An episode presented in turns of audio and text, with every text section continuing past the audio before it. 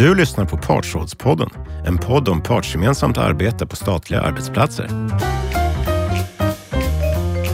Hur ska vi agera för att kunna arbeta hållbart när krisen saknar slutdatum?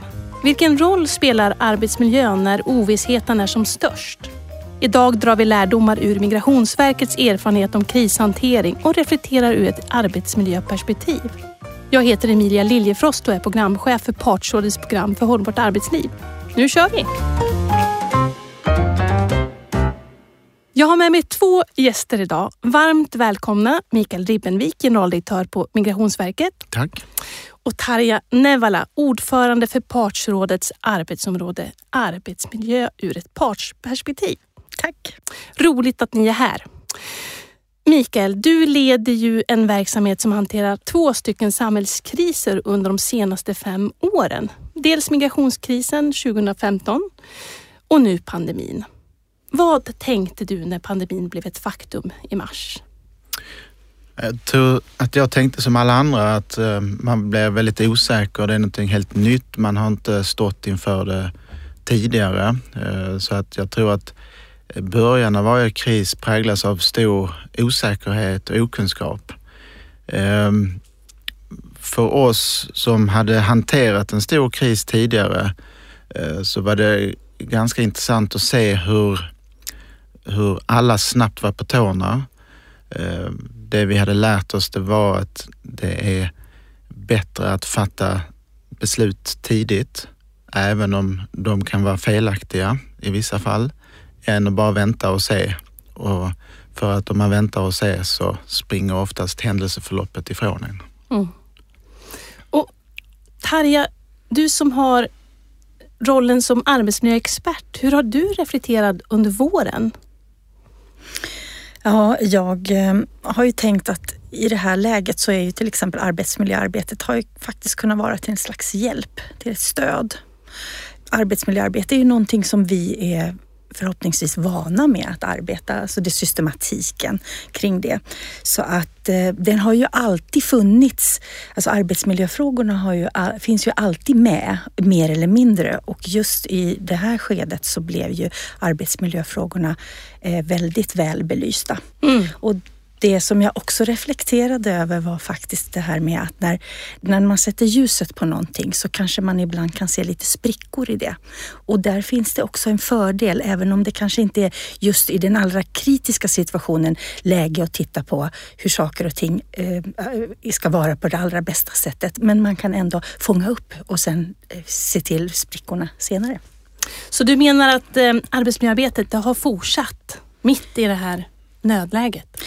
Absolut, eh, för jag tänker ju så att arbetsmiljöarbetet det är ett ständigt pågående arbete. Så länge vi har verksamhet så har vi arbetsmiljö och de arbetsmiljöfrågorna, det, det arbetet pågår hela tiden. Så att det har fortsatt men kanske har bromsats upp och haft lite fokus på specifika delar av arbetsmiljöarbetet. Men absolut, det fortsätter. Mm. Mikael, hur har du reflekterat kring likheter och skillnader mellan 2015 och 2020 utifrån ert uppdrag? Så likheterna, jag tror det är samma i, i varje kris egentligen. Det är att ofta i kris så jobbar man mot ett okänt slut. Man vet inte när krisen är över. Vet man exakt när krisen är över, då är det förmodligen inte en kris ens. En annan sak som man kan nog säga generellt är att det finns ingen organisation som är dimensionerad för kris idag. Så att vad det än handlar om, migrationskris, storbränder, pandemi, så handlar det om att skala upp, skala upp och skaffa sig handlingsutrymme. Det är nog en gemensam nämnare. Ehm, att jobba mot okänd horisont är väldigt svårt. Oftast så har man någon slags planering för någonting. När man inte vet var någonting slutar så är det omöjligt att planera. Eh, och det är lite annorlunda än normal verksamhet. Om man tittar på våra erfarenheter så i hösten 15 då ställde vi om verksamheten helt och hållet. Väldigt, väldigt fokuserade på uppdraget. Vi hade skrivbordsjurister i hamnar och centralstationer. Vi hade kontorsarbetare som jobbar kontorsarbetstid som jobbar på nätter och allt möjligt. inte mycket arbetsmiljöperspektiv där kan jag säga. Och det var inte bara i början utan det var nog rakt igenom förloppet. Eh, arbetsmiljöperspektivet var nog så här, oj, han verkar falla omkull där borta, kanske vi ska byta ut. Jag överdriver såklart, men det var inte vårt fokus. Eh, utan alla var så engagerade och drivna i uppdraget. Och det är också en fara för att som chef så, det är ju, det är ju praktiskt. Här har man en medarbetare som ger allt dygnet runt. Det håller inte. Och där har man ett ansvar för att se till att man får igång, även om det är okänd horisont så måste man skaffa en, en hållbarhet i, i verksamheten. Pandemin i år var ju helt annorlunda skulle jag vilja säga på det sättet att här handlar det verkligen om att ta hand om varandra och titta på, okej, okay, hur, hur hjälper vi varandra, både personal och sökande, eh, för att undvika smitta. Så jag tror att karaktären här blir ju väldigt mycket mer, hur ser vi till att vi är säkra alla? Och då var alla, alla var intresserade av det. Det var inte svårt att ändra verksamheten på grund av det. Men det har varit mycket mer ett arbetsmiljörättsligt fokus på det sättet att hur kan vi bedriva verksamhet på ett, ett säkert sätt? Just det. Och om vi tittar på er verksamhet i nuläget, vad skulle du säga att ni är då just nu? När det gäller pandemin så är det ju andra delar av samhället som har eh, drabbats mycket, mycket hårdare än just vår myndighet. Eh, jag tänker såklart på sjukvården. De statliga myndigheter där vi ser våra kollegor varenda dag eh, på tv, presskonferenser och eh, jag undrar hur hårt kan man jobba egentligen? Otroligt imponerad av hur, eh, hur kollegorna håller i här. För Migrationsverkets del så är det ju nästan tvärtom. Vi har färre sökande och eh, det innebär också att man måste ställa om verksamheten. Okej, okay, vad gör vi istället? Eh, jag sa ju ett svagt ögonblick i början av krisen att nej men det kommer bli mindre för oss. Vi kommer hjälpa andra. Det där togs emot. Jag tänkte det är väl bra. Det kommer man säkert att få lite beröm för. Nej, det var inte, det, vi, vi, är fortfarande ganska dåliga på att samverka. Eh, men poängen är att, som jag sa från början, i kris måste du skala upp. I Sverige så har vi inte någon speciell krislagstiftning. Du måste följa samma lagar. Så om du ska rekrytera upp på en myndighet så tar det den tid det tar för du ska följa alla konstens regler. Så det snabbaste är att någon annan kommer och hjälper dig. Då går det snabbt att skala upp. Och, ehm, och det var det jag tänkte. Det kommer att bli mindre för oss. Vi, kan, vi kan, kanske kan hjälpa andra om vi har rätt kompetenser. Så för oss, där vi är nu, vi har ställt om stora delar av verksamheten, men inte på grund av belastningen utan på grund av att allting skiftade. Mm. Hur blir ni påverkade av det då? Just det att det blir tvärtom för er. Om andra har fått ökad arbetsbörda så beskriver du att ja, det blir tvärtom, kanske minskad arbetsbörda. Men det kan ju också vara, ha belastande perspektiv på att det blev en så snabb vändning. Vad blev effekten då? Jag ska bara säga att vi har inte en minskad arbetsbörda för att mm. vi har fortfarande väldigt mycket att ta av. Det finns långa köer i vissa ärendeslag, så vi har väldigt mycket att göra. Men det öppnar upp för att, okej, okay, det finns mindre av något annat, ja. då kan vi göra mer av någonting annat. Eh, och då eh, måste man ställa om och man måste ändra sin planering. Och för vissa så är det jobbigt och för andra ser man det som en möjlighet. Så det är en rätt så, för oss är det en ganska klassisk förändringsresa fast den kommer ganska snabbt. Mm. Tarja, vilka arbetsmiljöutmaningar ser du på sikt utifrån att pandemin fortsätter? Framförallt i första läget så handlar det om orosfrågan. Alltså hur hanterar vi människor som är oroliga? Sen är det ju det här med att de som var tvungna att jobba hemifrån, alltså hemma, då kommer de ergonomiska frågorna. Alltså hur, hur rustar man upp ett, eh, ett hem som ska vara ergonomiskt riktigt? Och det betyder ju då att vi får de här fysiska belastningsskadorna som kan komma. Och sen är det ju det som, som har seglat upp är ju den eh, psykosociala Eh, frågorna som handlar om alltså, hur klarar vi av eh, ensamheten eller hur, hur ska vi kunna liksom vara tillsammans och, och den psykiska hälsan när jag blir ensam? Eh, långt ifrån mina kollegor och så. Så det är egentligen så är de här frågorna, de har alltid funnits och de kommer att fortsätta att finnas. Men en del utav dem har blivit lite mer extra förstärkta och som vi behöver titta noga på och som vi får hitta nya kraftigare eh, tag till att, att åtgärda så att vi inte får människor som börjar må, må dåligt för att eh, situationen är som den är. Och här får man ju tillsammans försöka hitta åtgärder. Men där är väl utmaningarna, framförallt den psykosociala eh, delen. Hur gör vi för att lära oss på vägen då? Ja, att lära på vägen, det gör vi ju på något vis hela tiden. Men det som är en, en, jag tycker att det är en nyckel i det här, det är ju om man tar utifrån det systematiska arbetsmiljöarbetet, där en faktor är att vi ska samverka. Vi ska, vi ska alltså eh, tillsammans titta på de olika perspektiven. Vi ska alltså tillsammans finna lösningar och jag tänker mig att i det systematiska arbetsmiljöarbetet när vi är många samlade och så jobbar vi utifrån systematiken så finns det ju i, i hjulet så finns det ju det här med att vi, vi bestämmer oss för att vi provar, vi hittar åtgärder och sen så ska ju de följas upp och i den här uppföljningen så finns det ju också ett lärande. För det betyder att när vi tittar på effekt utfallet så kan vi se att ja, den här åtgärden var bra men inte tillräcklig och då har vi lärt oss någonting och sen kan vi lära mer. Så att jag, jag tänker mig att att lärandet följer i, i och med att man använder sig utav den här metodiken, det här arbetet. Mm, spännande.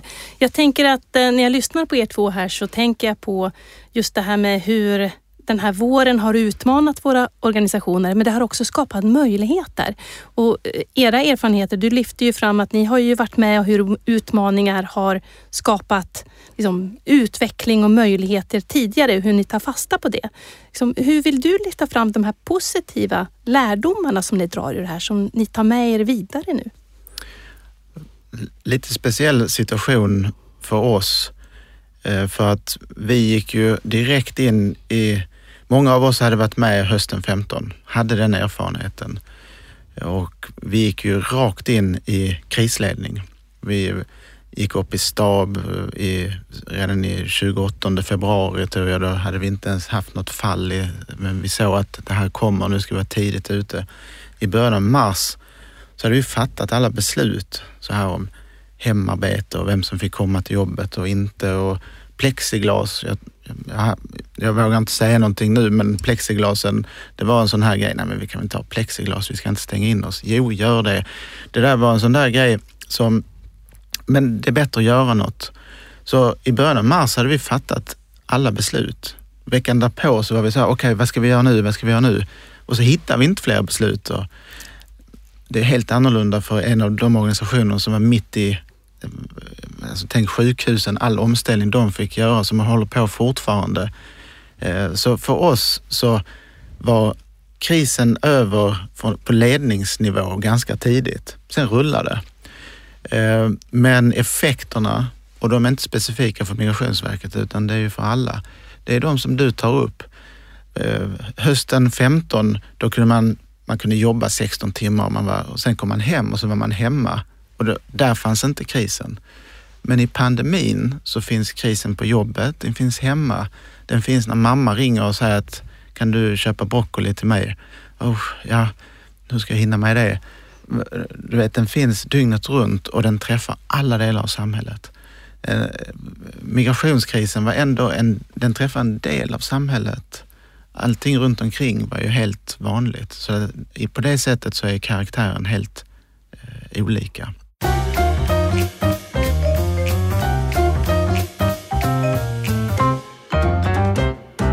Pandemin är en kris utan slut som ni säger, och, men vi har lärdomar från förr som kan leda oss framåt och arbetsmiljöarbetet är en av nycklarna i hur statliga verksamheter långsiktigt kan skapa förutsättningar för att hantera förändring.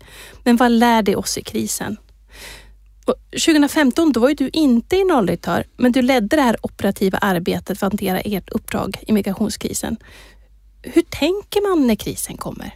Ni har ju varit tidiga på bollen, det hör jag ju. Men liksom, vad händer? Ja, men då om vi går tillbaka till 2015 så det var en eskalerande kris precis som i år. Den, den ökar, eller som i våras får man väl säga nu. Eh, den ökar dag för dag. Vi visste inte var den skulle sluta och Någonting som var viktigt, det är att eh, medarbetarna och alla som, som deltar i arbetet måste ha något slags mål. Och finns inte målet i sikte så får man skapa ett mål. Vad är det vi ska göra i den här situationen? Och vad vi gjorde det var ju att avgränsa alla våra uppdrag till ett. Vi ska se till att alla har tak över huvudet. Att man blir registrerad in i systemet och får tak över huvudet. Så det jobbar vi med. Och då var det bra för då var vi i vår bubbla. Vi vet vad vi ska göra. I det ligger ju tusentals beslut. Hur klarar man det då? Eh, men målet fanns där. Sen gick det ju så långt så att framåt november så klarade vi inte det målet. Några dagar i november så var det fullt. Och när jag säger fullt så menar jag med de resurser vi som myndighet disponerar. Det fanns inte mer. Vi klarade inte mer och målet sprack. Och de dagarna så hade vi något hundratal människor som vi sa, ja men vi tar emot din asylansökan, men vi kan inte ge dig något boende. Vi klarar inte det. Eh, så där sprack målet. Men då satte jag upp ett nytt mål och då var det, men det är så få som möjligt. Det är så få som möjligt som vi inte ska klara detta. Så att vi kunde fortsätta mot något slags gemensamt mål. Eh, och det gav, det gav väl någon slags, okej okay, så att man fortsatte. För det var ju rätt så tröstlöst och hopplöst eh, varje dag att inte kunna lösa ut frågan. Liksom. En annan sak som jag tror är väldigt viktigt det är ledning, funderar, tänker, fattar massa beslut. Och i normala fall så är det väldigt svårt med intern kommunikation, speciellt i stora organisationer. Den tanken som man hade en dag i somras som börjar trumlas och sen så blir förverkligad och sen ska den implementeras. Hur får man förståelse för någon som är sju mil ifrån en i organisationen? Det är en sån evig utmaning. I kris går det ganska snabbt. Då fattar man ett beslut. De är ganska korta, enkel logik. Man når ut ganska snabbt. Men även i kris så måste man eh, kunna förklara varför man gör någonting. Och ofta så går det så snabbt så att man hinner inte förklara varför. Varför-frågan är alltid viktig. Och jag kommer ihåg 2015, första dagarna så muttrar polisen lite. Var är Migrationsverket? Ja, vi är ju inte i hamnarna. Det har vi, det har vi ju inte varit. Vi är ju på kontoret. Men jag kände tidigt att nej, men vi måste nog vara där det händer. Och plötsligt, som jag sa i början, så hade vi massa personalkategorier som var i helt andra miljöer. På natten på centralstationen i Stockholm och så. Med västar på. Och det där var väldigt bra. För, eh, dels på många ställen så gjorde man nytta. Det ökar vår samverkan med andra myndigheter. Men på andra ställen så fanns där ingen riktig uppgift. Och långt senare, eh, fram, flera månader in i den här krisen, så var jag på Hyllie station som är en blåshåla utanför Malmö som är första stoppet i Sverige och eh, besökte och pratade med polischefen där och, och så träffade jag på en medarbetare som står och huttrar i en liten bod i den gula västen som var påbjudet. Och eh, hon hade ingen arbetsuppgift, men hon var där och det var mitt i natten. Och hon visste inte vad hennes uppgift var riktigt, men hon var beordrad dit. Och då tänkte jag, oj, ja just det. Här, här blev det för långt emellan. Hon visste inte vad hon skulle göra där. Men det fanns en, en viktig tanke från början, men den var inte riktigt kommunicerad mm. hela vägen. Mm. Så även i kris så måste man kunna berätta varför-frågan. Mm. Och liksom, vad är det som krävs att man ska lyckas med det? Vad kräver den eh, ambitionen? Ja, men jag tror det är enkelt. I staten så har vi fattar vi många beslut. Vi dokumenterar mm. våra beslut så du kan alltid läsa det. Men vi är ganska dåliga på att motivera. Det står vad beslutet är, men ibland så missar vi att säga varför. Och sen har vi våra vanliga kanaler, eh, våra intranät och vad, vad, hur vi nu kommunicerar med medarbetarna. Det ser väldigt olika ut om du är 30 eller 10 000 på en myndighet såklart. Eh, men det är det man får använda. Eh, det är ingen, finns inget Alexander-hugg här, men bara glöm inte varför-frågan. Mm. Varför gör vi detta? Mm. För det är, när man fattar de här besluten så ställer man eh, allting upp och ner eh, längst ute i organisationen. Och det måste man förstå. Och det som känns logiskt och uppenbart för en själv eh, är inte alls lika logiskt när det når fram. Mm. För att ofta har man helt olika perspektiv på en fråga. Jag tycker du nämner två olika aspekter. här. Dels är det den här kommunikationsfrågan, att lyfta varför. Men du pratar också om vikten av att kunna vara agil. Att kunna liksom möta behov på ett liksom rörligt sätt beroende på vilka situationer som uppstår. Det är en vanlig konfliktyta i eh, en kris att du har delar av organisationen som inte är frontline varje dag. Eh, oftast stab och HK-funktioner. Och sen har du operativa delar som verkligen är mitt uppe i det, där det kan finnas element av desperation till och med. Men hur i hela friden? Det här kan man ofta läsa om i kvällstidningar när någon eh, längst ut i verksamheten eh, kritiserar ledningen och ledningen säger det är inte min bild. Eh, ofta eh, då har man hamnat för långt ifrån varandra och det beror på att man har helt olika tempo. Och eh, det är väldigt svårt beroende på kris såklart, men du kan inte be en brandsoldat i Västmanland att ja, men, ta det lite lugnt eh, nu för vi håller på att fundera på en sak här. Utan ofta i en kris så måste du jobba i realtidstempo, frontline. Och det handlar om stab och stöd och HK måste steppa upp och följa med i det tempot. Det är den enda lösningen som jag ser. Och ofta så sliter man i organisationer för att man går i olika tempo. Mm. Intressant. Vad tänker du när du lyssnar på Mikaels erfarenheter, Tarja? Ja, jag tänker att åh, vad spännande. Det här är ju arbetsmiljöarbete i, i liksom realtid. Eller alltså, jag tänker mig så här att när vi pratar om systematiskt arbetsmiljöarbete så tänker vi inte alltid på att just det som du nu Mikael också beskrev och berättar, det är arbetsmiljöarbete det också. Och där finns det ju också, tänker jag, eh, lite de, det här stödet och det här som stöttar i det agila. Jag tänker mig till exempel riskbedömningar. När man tänker teoretiskt på riskbedömningar så ja, men de ska man göra vid vissa specifika tillfällen och de ska vara på ett visst sätt. Men det här arbetet när en kris kommer så gör man eh, kanske inte all den dokumentation som alltid behövs just då, men man gör bedömningar. Och jag tänker mig det du började med Mikael, att säga det här om att vi hade en, en vision, en bild av hur det skulle vara på, på verket. Det är samma sak inom arbetsmiljöarbetet.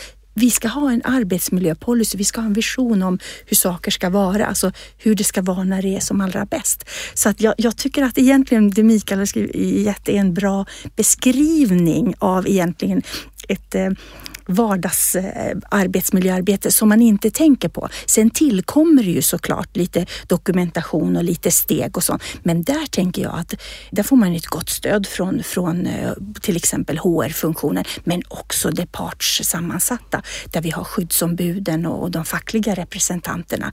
Nej, jag tycker att det här var så här mitt i prick. Liksom. Det var en så bra förklaring. Men, men jag tror, eh, nu, nu låter jag kanske för klok här, jag var inte särskilt klok under 2015. Misstaget som jag gjorde det är att man blev extremt fokuserad på krisen här och nu.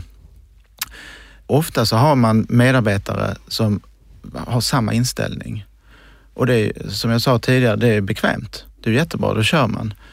Eh, och så fattar man en massa beslut och så kör man så hårt man bara kan.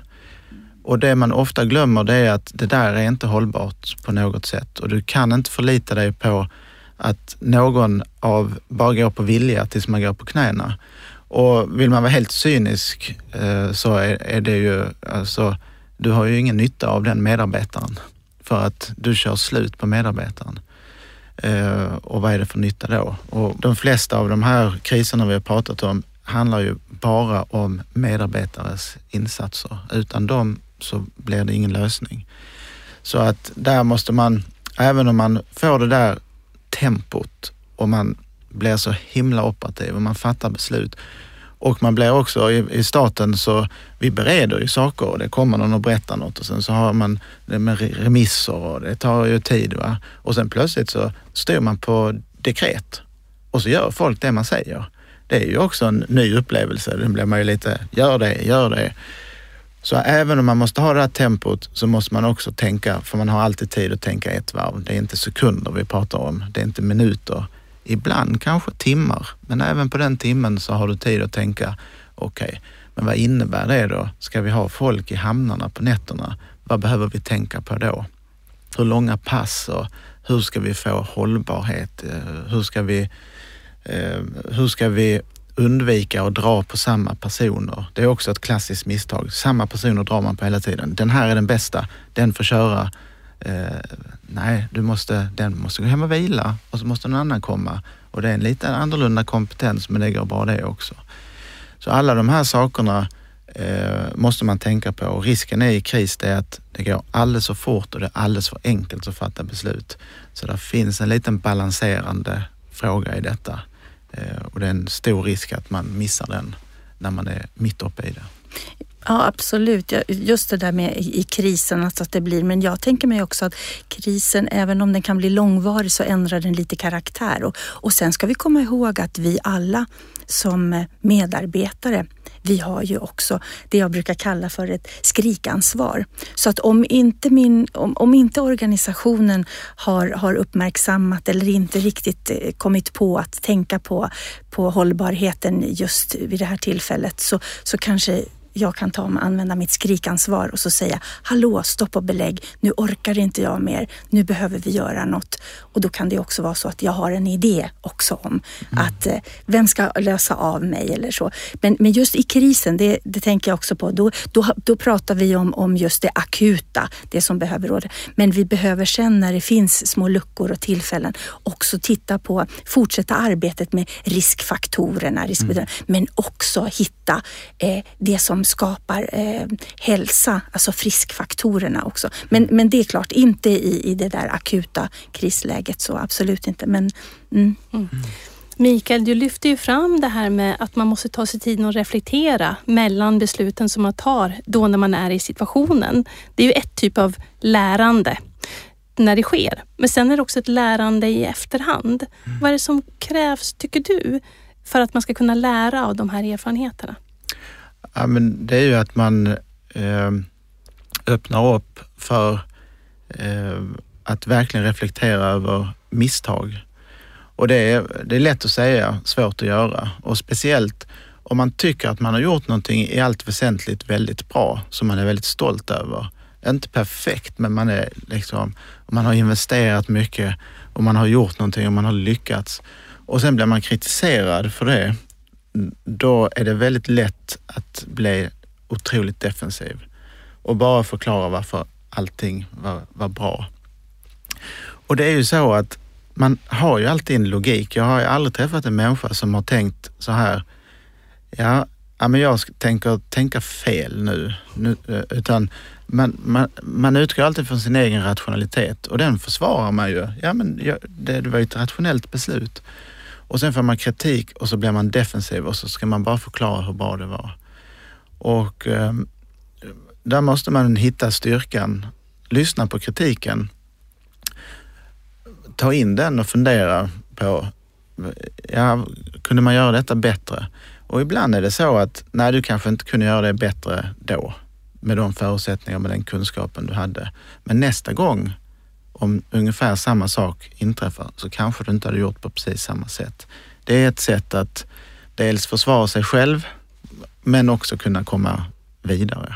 Mm. Men, men den självreflektionen tror jag är viktig. Det är där man, det är där man lär sig någonting. Det är där man mm. kan göra någonting bättre nästa gång.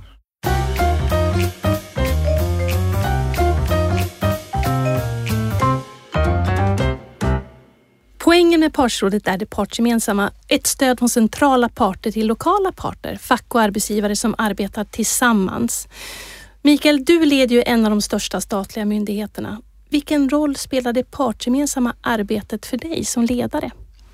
Ja, men det är ju jätteviktigt. Ehm, och det första man, som jag tänker på det är att nej, men man har olika perspektiv och det kan inte handla om att försöka få någon annan att tänka som jag. Du måste ha mitt perspektiv.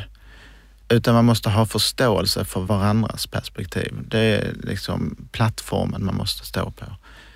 Man måste förstå att man kan inte alltid vara eniga om saker. Vi har eh, eh en konsensustanke i Sverige kring många saker. Eh, man måste inte ha konsensus, men för oss är det ett konsensus är ett positivt eh, laddat värdeord i Sverige. tror jag. Eh, I andra länder så är det inte alls. Det, det kan vara ett skällsord. Jädra konsensusmänniska. Det är en, det är en blek typ liksom. Eh, så att det, det, är en viktig plattform att, att stå på. Att förståelse för olika perspektiv och att det inte alltid går att vara enig om allting. Men även när man hamnar i oenighet om någonting så behöver inte det vara att man vänder ryggen till varandra och går på varsitt håll. Utan man kan också diskutera oenigheten. Och någonting som jag tror ofta händer det är att när man är oenig så är det slut. Det är där det slutar. Okej, okay, vi avslutar oenighet, mötet är slut. Man kanske ska ta lite tid också att diskutera oenigheten. Inte för att övertyga och liksom kan vi inte bli eniga ändå, utan varför blev vi oeniga här och vad är, vad är ditt perspektiv kring det? Hur tänker du kring det? Jag tänker så här. Att man samlas lite kring den. Jag tror vi slutar för tidigt ibland mm. eh, av kanske formella skäl. Mm. Jag tänker, du lyfter fram det här med att vi har en konsensuskultur. Eh, men är det också så att vi är lite konflikträdda i vår kultur? Absolut, mm. det tror jag. Mm. Den, den, den präglar nog oss ganska mycket. Vad tänker du om det här, Tarja? Om det partsgemensamma? Ja, alltså från mitt perspektiv när vi pratar om att, att ha eh, välfungerande, produktiva, effektiva verksamheter där medarbetare mm, mår gott och, och har en, en, tillfredsställd arbetsmiljö så blir det ju väldigt viktigt det partsgemensamma. Alltså just lite det som du var inne på också Mikael, det här med perspektiven. För här är det ju viktigt för att, för att nå de här målen, för att få den här den allra, allra bästa tillvaron så behöver vi eh, gemensamt titta och, och, diskutera och finna de eh, faktorer som är viktiga just för den specifika organisationen vid just det tillfället. För att det ska vara en strävan hela tiden. Så att det är, får man säga så, det är ju livsviktigt med partssamverkan. Mm. Mm. mm. Mikael, hur har ni arbetat med arbetsmiljöfrågorna under de senaste fem åren? Ja, vi jobbar ju med det systematiska arbetsmiljöarbetet. Vi, eh, och vi har ehm, eh, Eh, arbetsmiljökommittén och vi, vi träffas ju regelbundet och tar upp de frågorna som, som finns där. Det är rätt så givande tycker jag på mötena eftersom eh, jag ofta får ett litet annat perspektiv än jag normalt får. Stora organisationer så är man långt ifrån verksamheten. Det hjälper inte att man går på studiebesök, utan du är långt ifrån. Sen kan man inbilla sig att man vet massa saker, men oftast i organisationer där det finns fyra, fem, kanske till och med sex chefsled så är du långt ifrån verksamheten. Och dessutom så kommunicerar du oftast med dina underställda chefer. Och det är ett annat perspektiv. I arbetsmiljökommittén så får man en helt annan dimension. Vi jobbar också med eh, arbetsmiljödagar där vi samlar alla eh, chefer eh, och våra arbetsmiljökommittéer och arbetstagarorganisationer eh, och ta en hel dag. Och det har vi gjort, jag vet inte hur många år vi har gjort det. Eh, det kanske är under de här fem åren. Eh, men det som är intressant är att de där dagarna har helt ändrat karaktär från när vi började till hur det är nu. Från början var det rätt mycket arbetsgivaren föreläser så att alla ska höra samma sak. Lyssna här, lite pekpinne så. Och också från, från ATO och eh, HAMO rätt mycket, hur tänker ni lösa det här? Vad tänker ni göra åt detta? Här, detta funkar inte, vad gör ni här? Ehm, till en eh, mer öppen diskussion en mer levande diskussion som inte under dagen ger de där konkreta lösningarna, vilket frustrerar vissa. Vissa vill att nu ska vi ha tre punkter här, men som har lyft diskussionen eh, på ett helt annat sätt, eh, min upplevelse. Mm, intressant. Tarja, det är ju fortfarande många statliga myndigheter som har personal som arbetar hemma. Hur kan vi jobba med arbetsmiljöfrågor när jobbet måste bli gjort även om vi inte kan ses fysiskt?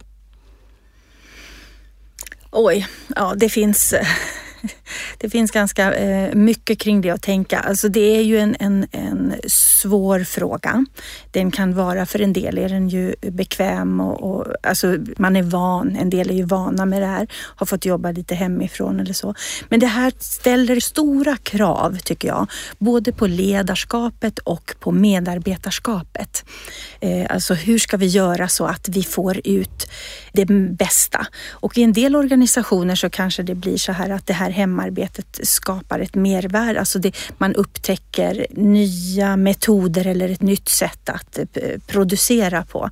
Men jag tror att eh, frågan eh, med hemarbete är framför allt att jobba hårt med, alltså ha en dialog och att i dialog alltså verkligen finna de metoderna eller det sättet som fungerar just nu. För att det är fortfarande så är det så här, det är en fråga om, det är en agil situation, alltså det förändras ju. Så vi behöver alla ha, och det har vi nog haft eh, sedan lång tid tillbaks, mer eller mindre förändringskunskap och kompetens kring. Men just att här behöver vi hålla dialogen öppen. För det är olika från olika olika organisationer och olika individer. Vi pratar om en eh, anpassning från individ till individ. Så ja, det är ett väldigt generellt svar på det här. Det finns ju mycket som man kan diskutera och titta och där kan man ju titta på vad som finns skrivet och, och hur man så att säga resonerar i de egna organisationerna mm. kring de här frågorna om mm. hemarbetet och dess eh, tillfälliga eller varaktiga varandet. Så. Mm, jag förstår. Du har ju varit med och eh, tagit fram olika verktyg för partsrådet Eh, vad är det för någonting som du skulle vilja tipsa våra medlemmar om där? Och framför allt vill jag ju såklart lyfta de fem stycken e-utbildningarna som finns på Partsrådets hemsida. Och det är spännande heta ämnen, alltså aktuella ämnen. Och där är det ju bland annat så finns det ju en, en utav utbildningarna som handlar om regelverket i det systematiska arbetsmiljöarbetet. Det finns en eh, annan som handlar om det organisatoriska och sociala arbetsmiljöarbetet, hur man gör det i praktiken. Det finns två stycken utbildningar också som Thomas Jordan, docent på Göteborgs universitet, har hjälpt oss att ta fram. Som handlar om, det ena handlar om konflikthantering och den andra handlar om hur vi skapar ett internt gott samarbetsklimat. Och sen så finns det en e-utbildning som handlar om hållbart ledarskap och medarbetarskap i, i en miljö när gränserna förflyttas mellan privatliv och arbetsliv. De här utbildningarna är är ju tillgängliga så på, på webben och de är, består ju då av fakta och kunskap och också sen eh, faktiskt exempel från våra statliga arbetsplatser. Och sen är det ju intressanta eh, diskussionsfrågor som man då kan diskutera och ta, applicera ner då den här kunskapen och, och eh, använda den i sin egen organisation. Så de fem Eh, e-utbildningarna. Så skapa gärna tid nu och titta efter den utbildning som känns mest aktuell och relevant för oss just nu. Och så ta den tiden och tillsammans eh, genomför de här, den utbildningen som passar. Och det finns många av de där fem, om man inte tar alla fem, men någon utav dem. Mm. Mikael, ett sista medskick. Om man som organisation vill bli bättre på att hantera kriser, vad skulle det vara då? Gå igenom en kris. Ah. Kanske inte att rekommendera, men man kan, man kan lära sig mycket av andra såklart. Man kan, man kan förbereda sig, man kan, tänka, man kan göra scenarioanalyser. Eh, man kan hela tiden tänka, vad gör vi om någonting händer? Du kommer aldrig pricka rätt vad som händer, men om någonting händer. Så det finns mycket man kan förbereda sig på. Men du kan aldrig helt och hållet förbereda dig inför en kris. För är det någonting du har förberett dig för som du kan hantera så är det per definition inte en kris. Stort tack till våra gäster idag, Mikael Ribbenvik och tack. Tarja Nevara. Tack. Du har lyssnat på Partsrådspodden. Partsrådspodden är en podcast från Partsrådet, en ideell organisation som består av arbetsgivare och fack på central nivå inom staten. Tillsammans erbjuder vi verktyg för ett bättre arbetsliv, bättre lönebildning, bättre arbetsmiljö, bättre samverkan och bättre utveckling på statliga arbetsplatser. Vill du veta mer? Besök vår hemsida, partsradet.se. Det här programmet görs på Beppo. Beppo.